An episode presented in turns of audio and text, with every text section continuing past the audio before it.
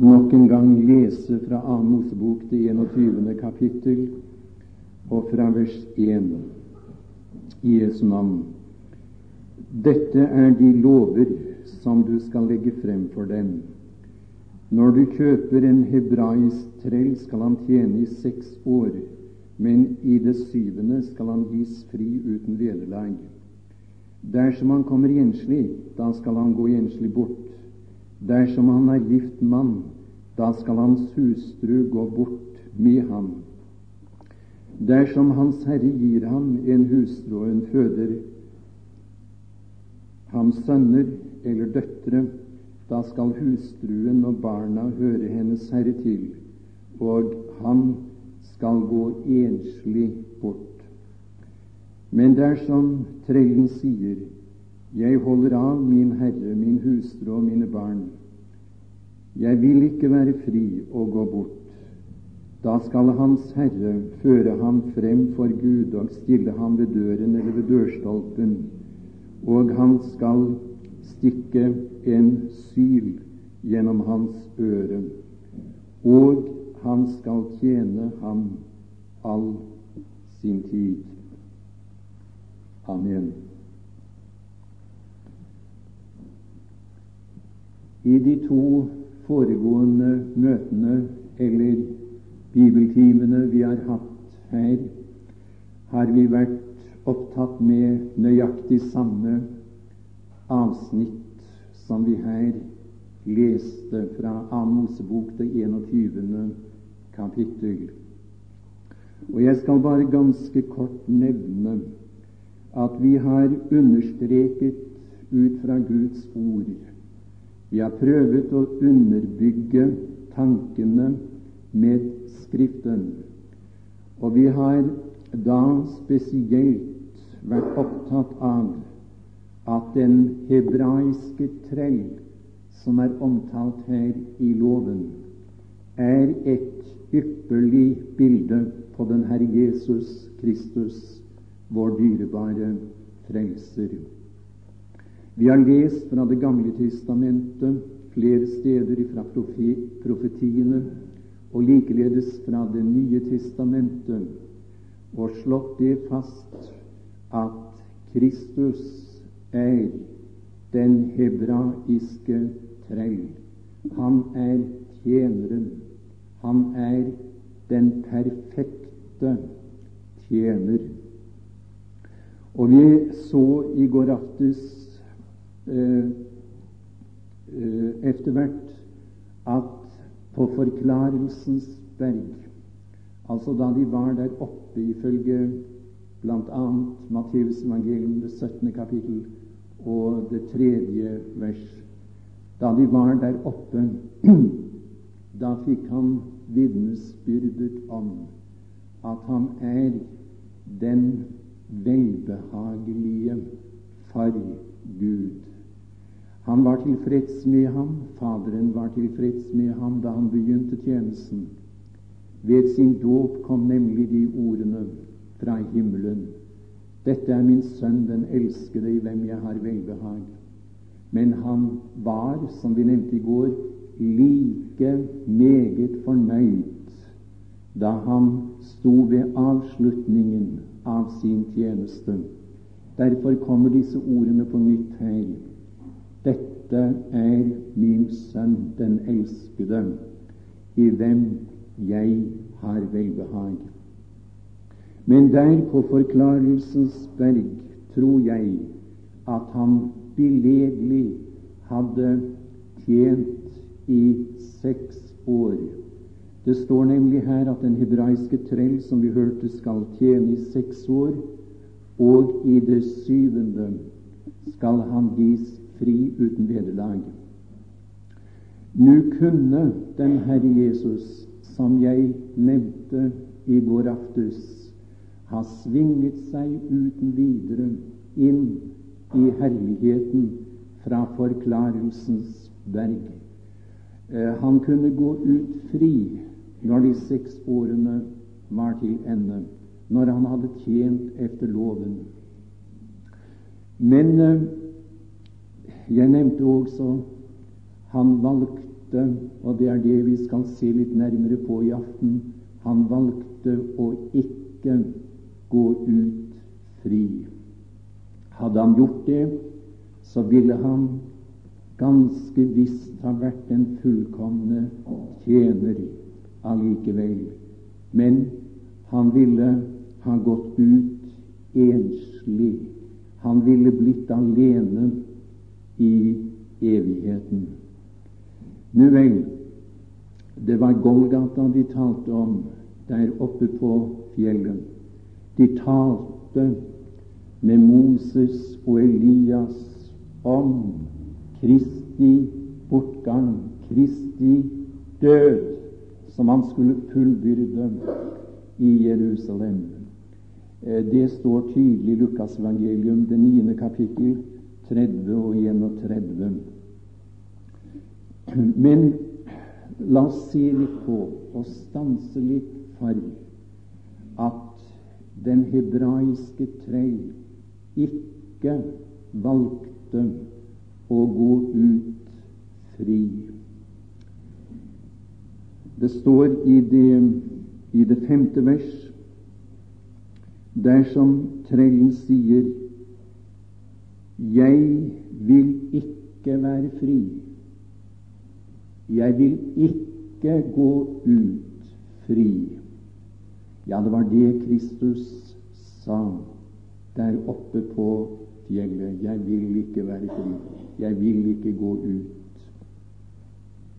Jeg vil ikke gå tilbake til herligheten på dette tidspunkt. Hvorfor ville han ikke det?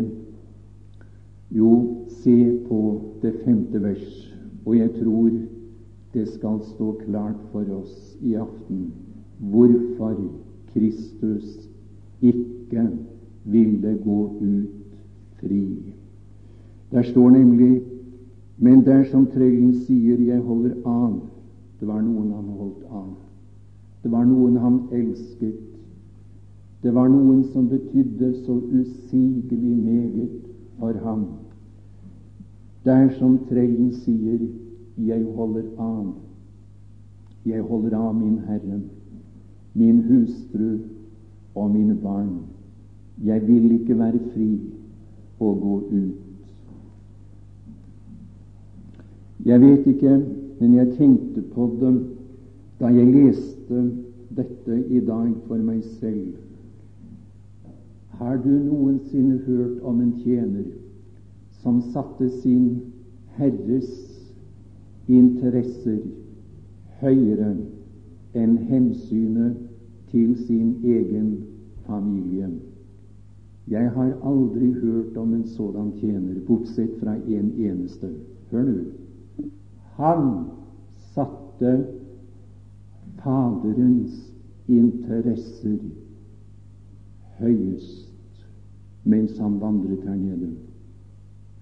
Han levde ikke seg selv til behag, heter det i Romebrevets femte kapittel og tredje vers. Nei, han levde til behag for Gud, som var hans Herre. Og vi skal uh, nå lese noen steder fra Skriften som viser at alltid i sitt liv så satte han Gud først på programmet, den Herre Jesus. La Faderen først, Gud først. Vi kan lese litt fra Lukas evangelium, det annet kapittel. Lukas evangelium, det annet kapittel. Og det er spesielt det 49. vers jeg vil henlede din oppmerksomhet på. Men sammenhengen her er denne. Eh, de har vært til høytiden i Jerusalem. Den Herre Jesus er tolv år på dette tidspunkt. Han har vært sammen med sine jordiske foreldre, Maria, hans mor og hennes mann Josef. Når de er på hjemvei fra Jerusalem, hender det at de oppdager han ikke er med i reisefølget. Og kort fortalt nå de vender tilbake, de leter etter ham, og de finner ham. Hvor fant de ham? De fant ham i tempelet. Og vi kan kanskje ta med litt der, fra det 44. vers. Og da de ikke fant ham, vendte de tilbake til Jerusalem og lette etter ham, og det skjedde tre dager derefter. Da fant de ham i tempelet. Der satt han midt iblant lærerne og hørte på dem og spurte dem. Og alle som hørte ham, var ute av seg selv av forundring over hans forstand og svar. Og da de så ham, ble de forferdet, og hans mor sa til ham, Barn, hvorfor gjorde du oss dette? Se, din far og jeg har lett etter deg med smerte. Og han sa til dem, skal vi stanse litt der? Altså når hans mor bebreidet ham for at han ikke var med dem, så sier han, Hvorfor lette I efter meg? Visste I ikke at jeg må være i min Faders hus? Her sier du at den Herre Jesus, han setter Faderen først. Det er en som jeg må prioritere. Det er en som jeg må ta mer hensyn til enn til dere, sier han. Jeg må være i min Faders hus. Skatt Rørdam oversetter det slik Visste dere ikke at jeg må være i hva min Faders er? Og så vidt jeg vet, er det en oversettelse som sier det sånn Visste dere ikke at jeg må være i min Faders interesser. Han levde utelukkende for Gud under sitt jordeliv i denne verden. Han ga Gud alt i sitt liv. Og som sådan er den hebraiske tre Kristus enestående. Jeg har aldri møtt et menneske som har våget å si Det kan være eldre troende jeg tenker på, erfarne Guds barn.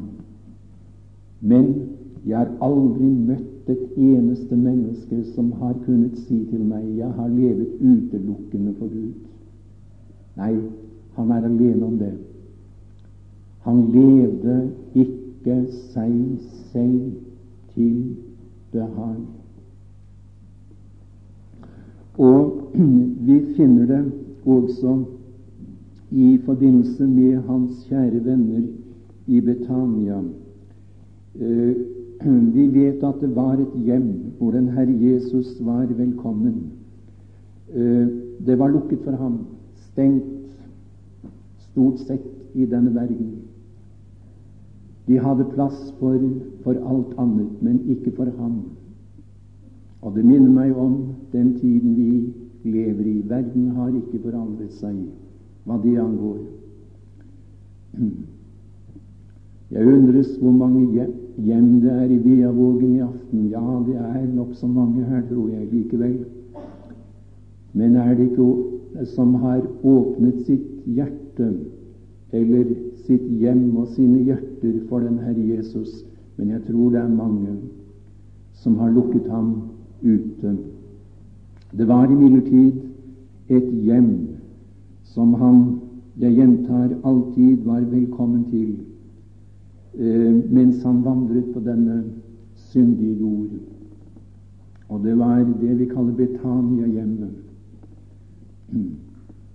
Han kom, så vidt jeg forstår, ofte til den byen og til det hjemmet. Han han pleide samfunn med disse tre søsken som bodde der, Martha, Maria og Lasarus. Nå fortelles det i det ellevte kapittel i Johansevangelium at det kom sykdom til dette gode hjem, til dette mønsterhjem, om jeg kan si det slik. Det kom sykdom i hjemmet. Det var eh, Lasarus som var blitt syk, og det førte til, som du vet, at han døde. Det ble sorg i hjemmet. Nå er det noen som hevder, jeg har selv hørt det gjentatte ganger, at en troende skal ikke være syk. Hvis en troende blir syk, så er det bevisst synd i hans liv som er årsaken til det, eller han står i et uriktig forhold til Herren. Jeg har hørt det med rene ord sagt, nemlig at det er noe galt fatt. Det må være det når en troende blir syk. Jeg tar avstand fra en sådan forkynnelse. Jeg vil gjerne ha sagt at de fineste, de beste, de egleste troende jeg har hilst på i denne verden, det var de som gjennomgikk hårde prøvelser, hårde prøvelser. Jeg fant dem gjerne på sykesengen, eller jeg fant en som satt i rullestolen og var avhengig av den, måtte finne seg å være det resten av sitt liv. Men å, for noen fine stunder jeg kan se tilbake på når jeg, når jeg satt der og talte med disse edle, troende mennesker. Jo, det kom, det kom sykdom til hjemmet i Betania. Jeg taler til noen i aften som er, er hardt prøvet. Og det kan under tiden knipe om. Det virker som om, om Gud er så hård. Ja vel, men skal vi lese litt her ifra Johans evangelium, det ellevte kapittel, hva gjorde de i Betania? Hva gjorde de i Betania da det ble eh, da sykdommen meldte seg? Disse to søstrene, hva gjorde de da deres bror ble syk? Ja, det står så fint her i det tredje vers. Søstrene sendte da bud til ham og lot si, Herre, se ham som du er vred på. Hva? Nei, nei, ikke vred. Ja, det grep meg da jeg satt oppe på Sunnmøre for, for et års tid siden og talte med en meget, meget fin, troende mann. Han var litt eldre enn jeg er. Og jeg erindret ham fra møtene. Han var så god å tale for. Satt der åpen og mottagelig når ordet ble forkynt. Og han hadde et sånt fint vesen, denne mannen. Men så ble han angrepet av en hjernesykdom, og det førte til at han ble lam, fullstendig lam. Han mistet til like taleevnen han kunne ikke si et eneste ord bortsett fra han, han, kunne gjøre seg forståelig med et ja og et nei. Det var det hele. Men som jeg satt der, så måtte jeg si til ham Er det ikke underlig, Nils? Du kan ikke si et eneste ord. Det er bare jeg som, som sitter her og snakker nå. Du kan jo ikke si et eneste ord. Men allikevel Å, hvor, hvor hvor god kontakt vi har med hverandre. Vi delte Herrens ord sammen. Å, for en høytidsstund det var der.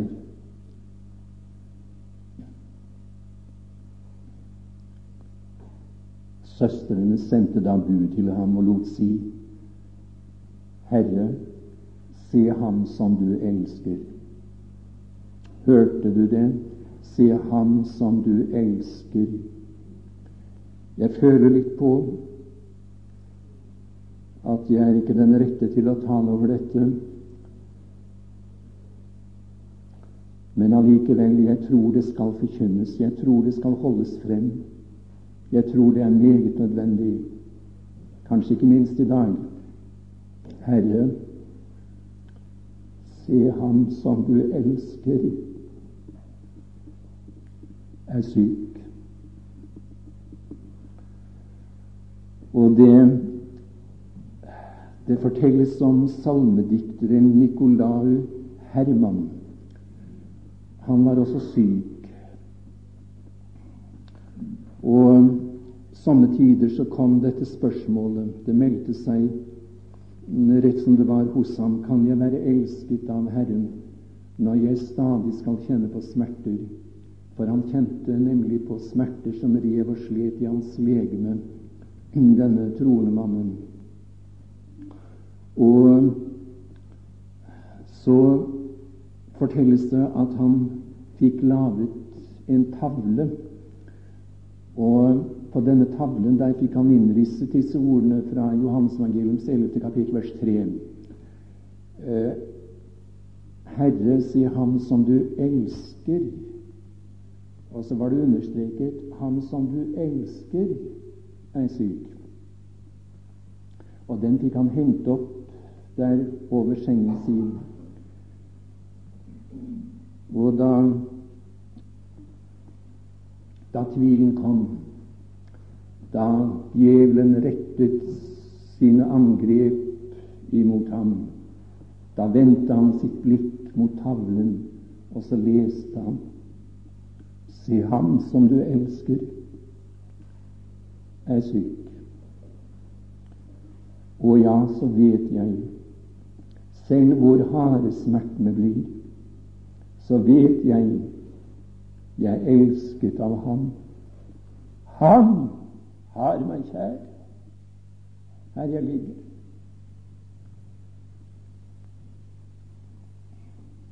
En skulle jo tro at den Herre Jesus var rask i vendingen når han fikk et sådant bud når det gjaldt Lasarus. At han, at han, at han sporenstreks satte kurs for Betania. Men han gjorde ikke det. Det står han ble to dager på det sted hvor han var. Så ut til at han hadde god tid. Hør nå. Eh, vers 16. Da du hørte at han var syk, ble han ennå to dager på det sted hvor han var. Hva er forklaringen på dette? Se litt nå, hvis du har Bibelen for hånden, på Eh, det, det fjerde vers, vers fire. Da Jesus hørte det, sa han Der har du forklaringen. Og det skulle disse helbredelsespredikantene legge seg på hjertet. De som bebreider troende mennesker som er syke. Det skulle de feste seg ved. Her står virkelig å lese. Da Jesus hørte det, sa han, denne sykdom er ikke til døden, men til Guds ære. Sykdom er til Guds ære. Ja, står slik. Gud først. Faderen først. Det var hans motto i denne verden. Ser du det? Denne sykdom er ikke til døden, men til Guds ære, for at Guds sønn skal bli æret ved den, altså ved sykdommen. Ja, hun sa det, den, den unge, troende kvinne jeg besøkte i Sunnhordland for noen år siden. Hun var dødssyk, og som jeg satt der, så sier jeg til henne det ville jo være godt om Gud grep inn og gjorde meg frisk. Så ble det stille en stund, og hun så på meg og sa jeg skal si deg, jeg er så vel fornøyd med at det går sånn som han vil. Sånn som han vil. Det er det vi lærer på de mørke veistrekninger i livet. Det er det vi gjerne lærer når sykdom melder seg, når sorgens klamme hånd legges på familien. Det er best at det går slik som han vil. Så var det ganske kort tid, og så Gud henne hjem til seg, ja, så var det det beste. Du vil vel ikke protestere på det? Det var det beste at Herren tok denne unge, troende kvinnen hjem, naturligvis. Men han ble æret gjennom hennes sykdom. At det kan være synd som er årsak til sykdom, det vet vi ut fra Guds ord. Jeg akter å komme tilbake til det i en bibeltime senere under mitt besøk her denne gang. Eh, det er en meget alvorlig sak for øvrig. Men la oss lese eh, fra et annet sted, nemlig Johansmangelium igjen, og det tolvte kapittel. Du vet at forklarelsen på, for, forklarelsen på Bergen, som vi har vært inne på gjentatte ganger, er ikke omtalt hos Johannes. Det er omtalt i Matteus, Markus og Lukas, men ikke hos Johannes direkte. Men det som sies i Johansevangeliums 12. kapittel fra 27 og 28, tilsvarer det som eh, fortelles om den Herre Jesus da han var oppe på, på Forklarelsens berg. Og han hørte disse ordene 'Dette er min sønn, den elskede, hvem jeg har velbehag'. Her står Johannes 12, vers 27 og 28. Nu er min sjel forferdet, og hva skal jeg si? Fader, frels meg fra denne time. Dog nei, derfor er jeg kommet til denne time. Fader, herliggjør ditt navn. Der har du det igjen. Ja, jeg sa det visst sånn i går aftes. Jeg finner ikke andre uttrykk for det. Han hadde en stor lidenskap, denne hebraiske treet, og det var dette å gjøre Guds vilje. Å gi Gud ære og løfte Hans navn høyt på denne jord hvor Hans navn var blitt så vanæret. Bare det. Fader, herliggjør ditt navn. Så kommer det svar omgående. Skal du høre. Da kom en røst fra himmelen, og det ligner meget på det som vi, som vi har sett på fra Matteus 17 og Lukas 9. Der står både har jeg herliggjort det, både har jeg herliggjort det, og skal atter herliggjøre det. Jeg har herliggjort det, sier han. Hva mener han med det? Hva mener Gud med at han sier til sin sønn både har jeg herliggjort det, altså mitt navn, Guds navn er blitt herliggjort, og det skal atter bli herliggjort. Jeg har herliggjort mitt navn gjennom ditt liv. Det har steget en vellukt opp til meg fra hele ditt liv i denne verden. Alle dine tanker har vært i overensstemmelse med mine tanker. Alt det du har sagt, det, det har det har vært mine ord. Og alt det du har gjort, det har vært mine gjerninger Du har levet utelukkende for meg. Jeg har herliggjort mitt navn gjennom ditt liv. Ja, men jeg skal atter herliggjøre det. Ja, jeg skal herliggjøre det når du nå går til Golgata. Ikke bare herliggjør ikke bare herliggjøre mitt navn gjennom ditt liv, men gjennom din død. Og jeg tror det er noe som er forsømt i våre dagers forkynnelse, mine tilhørere. Og det er nettopp det Hvor ofte stanser vi for det, og hvor ofte hører vi det? At uh, det var Gud først for den Herre Jesus da han gikk i døden. Gud først. Gud først. Vi tenker sånn på våre behov. Vi tenker slik på hva vi skal få av godt. Men uh, den Herre Jesus han tenkte først på Faderen. Da han bukket mot døden på Golgata kors, da var det Faderen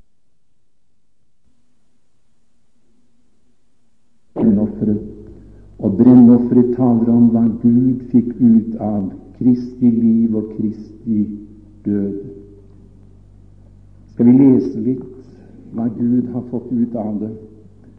Vi går til Efesebrevet. Efesebrevet og det femte kapittel.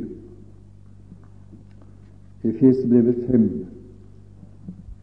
og vers 2 og vandre i kjærlighet like som Kristus elsket eder og gav seg selv for oss som en gave og et offer Gud til en velbehagelig duft.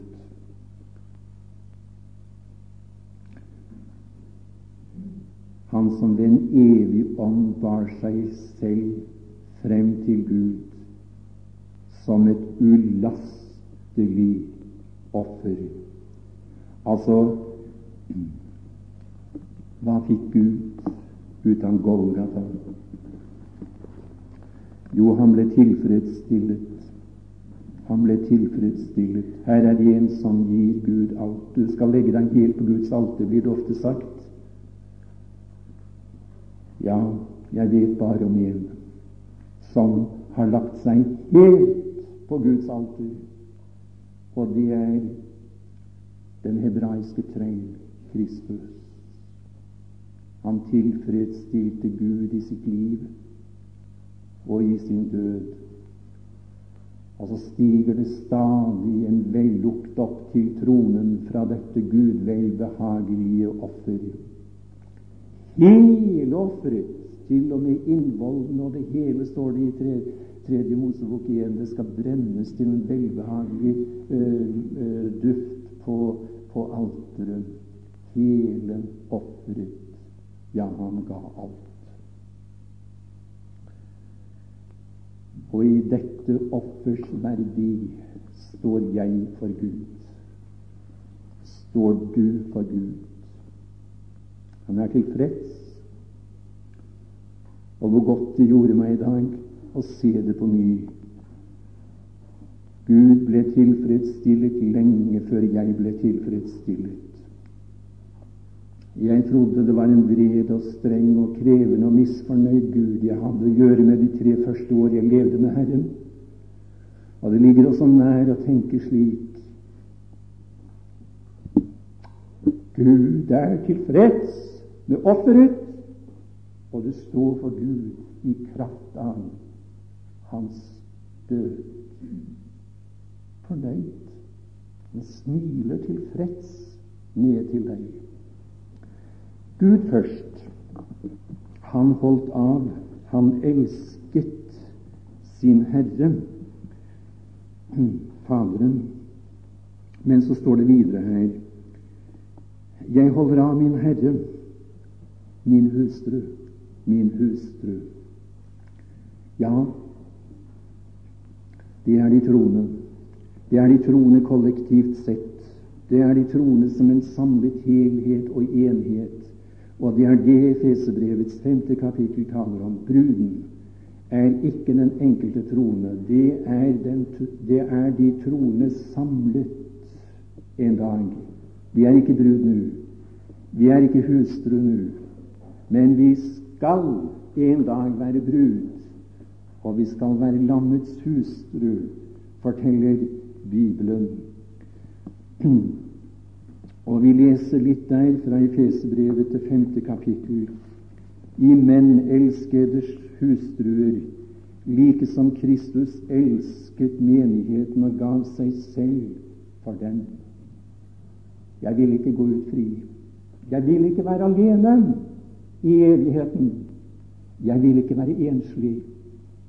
Nei, jeg vil ha henne ved min side. Hun skal være meg så nær, så nær, så ganske nær. Vet du hvem som skal tilfredsstille Kristus i evigheten? Det er bruden, det. Er bruden, det. Jeg tror ikke det er lenge før at han fører henne inn i sitt brudekammer, mine tilhører. Faderhuset, stedet som han har beredt for bruden. Brudeværelset. Og da skal Kristus bli tilfredsstillet, for da skal han si henne ikke bare på grunn Ja, det er på grunnlag av, men ikke bare på den måte at vi har en tilregnet rettferdighet og renhet. Men da skal vi være tvers igjennom rene. Det skal bli resultatet av Golgata tvers igjennom rene, og det gjennom alle evigheter. Kan det da være underlig at han for den glede som ventet ham, led tålmodig korset? Nei, vi skal nok se det når vi kommer hjem. Vi kan snakke om det her, men vi forstår så lite av det i grunnen. Men når vi en dag er hjemme, da skal vi forstå det bedre. Når vi ser hvor tilfreds Kristus vil være når han har bruden i sin nærhet, han skal tilfredsstilles gjennom henne. Og jeg eh, tenkte sånn i dag på den sangen Det skal bli herlig for meg, herlig for meg når ved Hans nåde, Hans åsyn jeg ser. Og da tenkte jeg på da tenkte jeg på Bjerkreim, som nå er hjemme i herligheten. Han eh, føyet et kor til denne sangen, og han gir uttrykk for det der på denne måten. Det skal bli herligst for ham herligst for ham når han fra jorden har hentet oss hjem. Det skal for evig bli herligst for ham. Jeg vet ikke om vi kan gradere det, men i alle tilfeller skal vi ta med oss det. Han ser frem til den dagen. Han lengter. Vi snakker om at vi lengter. Kanskje vi burde tale dempet om den sak. Jeg vet ikke. Men det er en som lengter. Det er den hebraiske trell, han som ikke ville gå ut fri. Han som tenkte på sin hustru, menigheten, den vordende hustru. Lammets hustru. Jeg vil ikke gå ut fri. Han skal bli tilfredsstillet. Det skal bli herlig for ham når han får menigheten hjem. Men det står også jeg holder av min Herre, min hustru og mine barn. Og Jeg kan ikke ta så svært mye tid på det nå, men la meg bare få lov å understreke at barn står for den enkelte tronen. Den enkelte tronen. Han ser oss ikke bare kollektivt, han ser oss ikke bare som en samlet helhet. Han ser oss ikke bare som legemet, men han ser oss også også eh, enkeltvis, og det er godt. Usigelig godt. Og jeg vil gjøre apostelen Paulus' ord til mine på nytt i aften, når han sier i, i eh, Galaterbrevets 2. kapittel og 20. vers Han sier det som Kristus elsket meg, sier han. Kristus ikke elsket menigheten. Jo visst, det har vi sett. Men Kristus elsket meg. Har du tvilt på at Han har elsket deg i den senere tid? Har du vært sløv? Har du vært kold? Har du vært likegyldig? Og la meg få lov å fortelle deg det, og jeg tror det vil bringe deg på kne i aften når du kommer hjem. Kristus elsket meg og gav seg selv for meg. I det sjette vers Nå må jeg skynde meg. Men i det sjette vers da skal Hans Herre føre ham frem for Gud. Her får vi høre hva denne kjærlighet, det at han holdt av sin herre, sin hustru og sine barn, kostet denne hebraiske trellen. Han skal føre ham frem for Gud, og så skal han stille ham ved døren eller ved dørstolpen, og så skal han stikke en syl gjennom hans øre. Hvorfor det? Jo, det var et tegn på at trellen skulle tjene sin herre for all tid.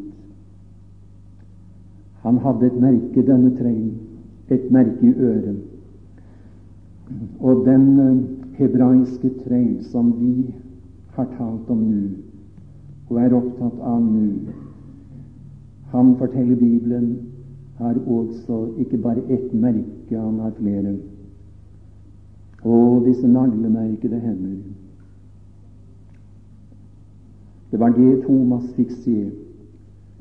Ifølge Johans evangeliums 20. kapittel Han var ikke til stede første gang da, åpen, da Kristus åpenbarte seg for disiplene. Husker du? Han var ikke til stede da. Men da de traff Thomas, så sier de til ham, de har sett Herren'. Og de ble jo så overlykkelige. De hadde sett Herren. Og jeg tror det var med begeistring de fortalte Thomas 'Vi har sett Herren'. Men han nektet jo å tro dem. Han sier uten at jeg får se, så vil jeg ingenlunde tro. Jeg, jeg, tror for øvrig her han står som et bilde på Israel. Jeg skal ikke komme inn på det nå. Men åtte dager etterpå, da er Thomas på plass. Og da kommer Herren igjen. Og så sier han til ham, rekk din finger ut og se mine hender. Og rekk din hånd hit og stikk den i min side, og vær ikke lenger tvilende vantro, men troende. Han fikk se. Han fikk se merkene. Og så langt jeg forstår, skal den Herre Jesus bære de merkene gjennom alle evigheter. Doktor Ironside sier eh, i en av sine bøker så fint det skal ikke bli vanskelig for meg å kjenne Herren, sier han når jeg kommer hjem. For han bærer noen merker som ingen andre av oss bærer eller skal bære. Han skal bære dem. Han er alene om det. Merkene som taler om at han har innviet seg til tjeneste for alltid. Jeg vet du hva jeg tror? Jeg tror han, han, kan ikke, han kan ikke opphøre med å tjene. Han må tjene endog i evigheten. Og det er ord i Bibelen som taler om det, nemlig. Han må tjene. Jo, han skal bære merkene. Og jeg leste også i dag i denne sammenheng fra Åpenbaringens bok til fjerde kapittel, og det står der at Johannes ble rykket opp. Stig opp her, ble det sagt, og jeg tror ikke det er lenge igjen. Så sier Herren til sin forsamling, stig opp her. Og så fikk eh, Johannes se noe der. Han eh, fikk bl.a. se en trone, og på tronen satt det en som lignet jaspis og sardersten. Og hvis du vil se Åpenbaringens bok, det 21. kapittel, så vil du se at lyset i staden var, var som eh, krystallklar jaspis. Lyset i staden. Krystallklar jaspis. Men han sier her han lignet ikke bare jaspis, men han lignet sarderstenen, og den er blodrød. Blodrød. Blodrød. Den Herre Jesus ble blodrød en gang. Når skjedde det? Det skjedde da han var din og min stedfortreder på Golgata kors. Blodrød! Og Jeg tror vi skal se noe av dette når vi kommer hjem. Jeg tror vi skal forstå bedre Golgata når vi kommer hjem. Og i det femte kapittel i samme bok, altså Bargens bok, det femte kapittel, der står det nemlig Og jeg så midt imellom tronen og de fire livsvesen og de eldste et lam stå der like som slaktet.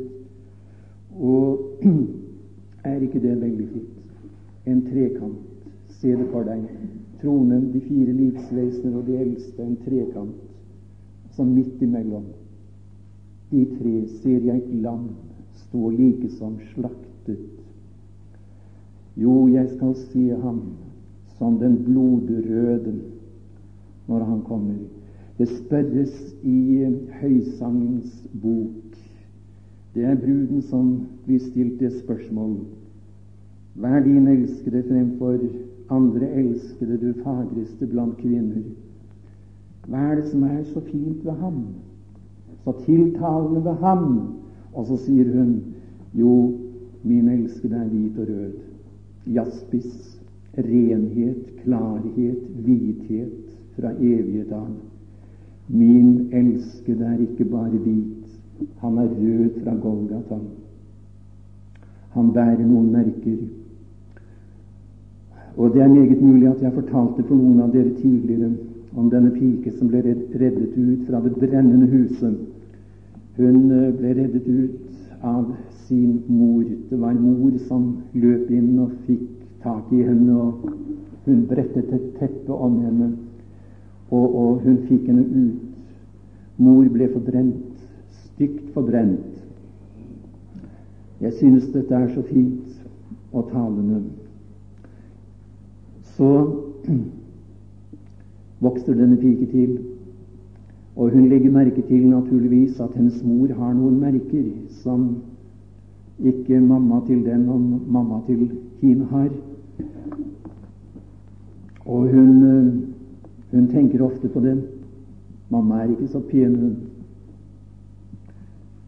Men så er det en dag at hun kryper opp i sin mors fang der inne i stuen eller inne på værelset der, og så sier den lille pike litt forsiktig Du, mamma, det er en ting jeg har tenkt å spørre deg om. Hvorfor har du disse merker? Hvorfor har du disse merker? Disse arr i ditt ansikt. Og da er det at mor forteller historien. Jo, det er noe som ikke du kjenner til. Det skjedde da du var ganske liten. Huset vårt kom i brann. Du var alene der inne. Jeg fikk uh, fatt på deg. Jeg løp inn. Det gjaldt ditt liv. Det gjaldt mitt kjære barns liv. Jeg fikk deg ut, men jeg måtte gjennom flammehavet. Det ble ikke et merke på deg, men jeg får bære disse arr så lenge jeg lever.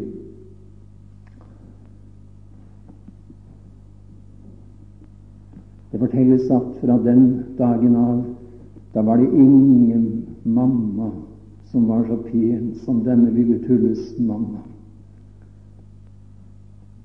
Hva er det som gjør at han er så troverdig for oss? Er det ikke merkene fra Golgata? Er det ikke nettopp dette at han en dag sa 'Jeg vil ikke være fri'? Jeg holder av min Herre, min hustru og mine barn. Jo, det er det. Jo, vi skal, eh, skal snart bli tatt opp på fanget. For å holde oss til bildet her, så skal han fortelle oss om da han gikk gjennom flammehavet. Det var for meg. Godt folk i Viavågen. Det er ingen som er unntatt. Ikke en så ussel er at det er Jesus har han kjære. Ikke en eneste. Han gikk gjennom flammehavet for oss alle, som vi hørte så fint til en åpning. For deg, om du måtte sitte her i aften som ikke er frelst. Skal du komme på kne nå? Skal du si ham ditt ja? Vil du begynne å tilbe ham? Er han ikke verdt det? Fader og Gud, Vi ber at dette ordet som vi har delt med hverandre fra din bok, Det må senke seg ned i våre hjerter, så det ikke blir bare noe vi, vi taler og hører mens vi er samlet, men at det kan bli noe som Den hellige ånd, som har tatt bolig i oss, må feste i vårt sinn, i våre tanker, slik at det følger oss i hverdagen, så du får megen takk og tilbedelse og lovprisning fra oss. Vi skal tilbe deg gjennom alle evigheter. Og snart skal vi se deg som du er, som den der er lik jaspis og sardersten. Og det vil, tror jeg, være for oss som kommer du direkte fra Golgata som et nyslaktet lam. Og så skal vi falle ned for deg og si takk. Herre, vi ber deg La det lykkes at noen måtte i aften, om det er noe til stede her som ennå har stått deg imot, at de måtte falle ned for dine føtter og si, Min Herre og min Gud.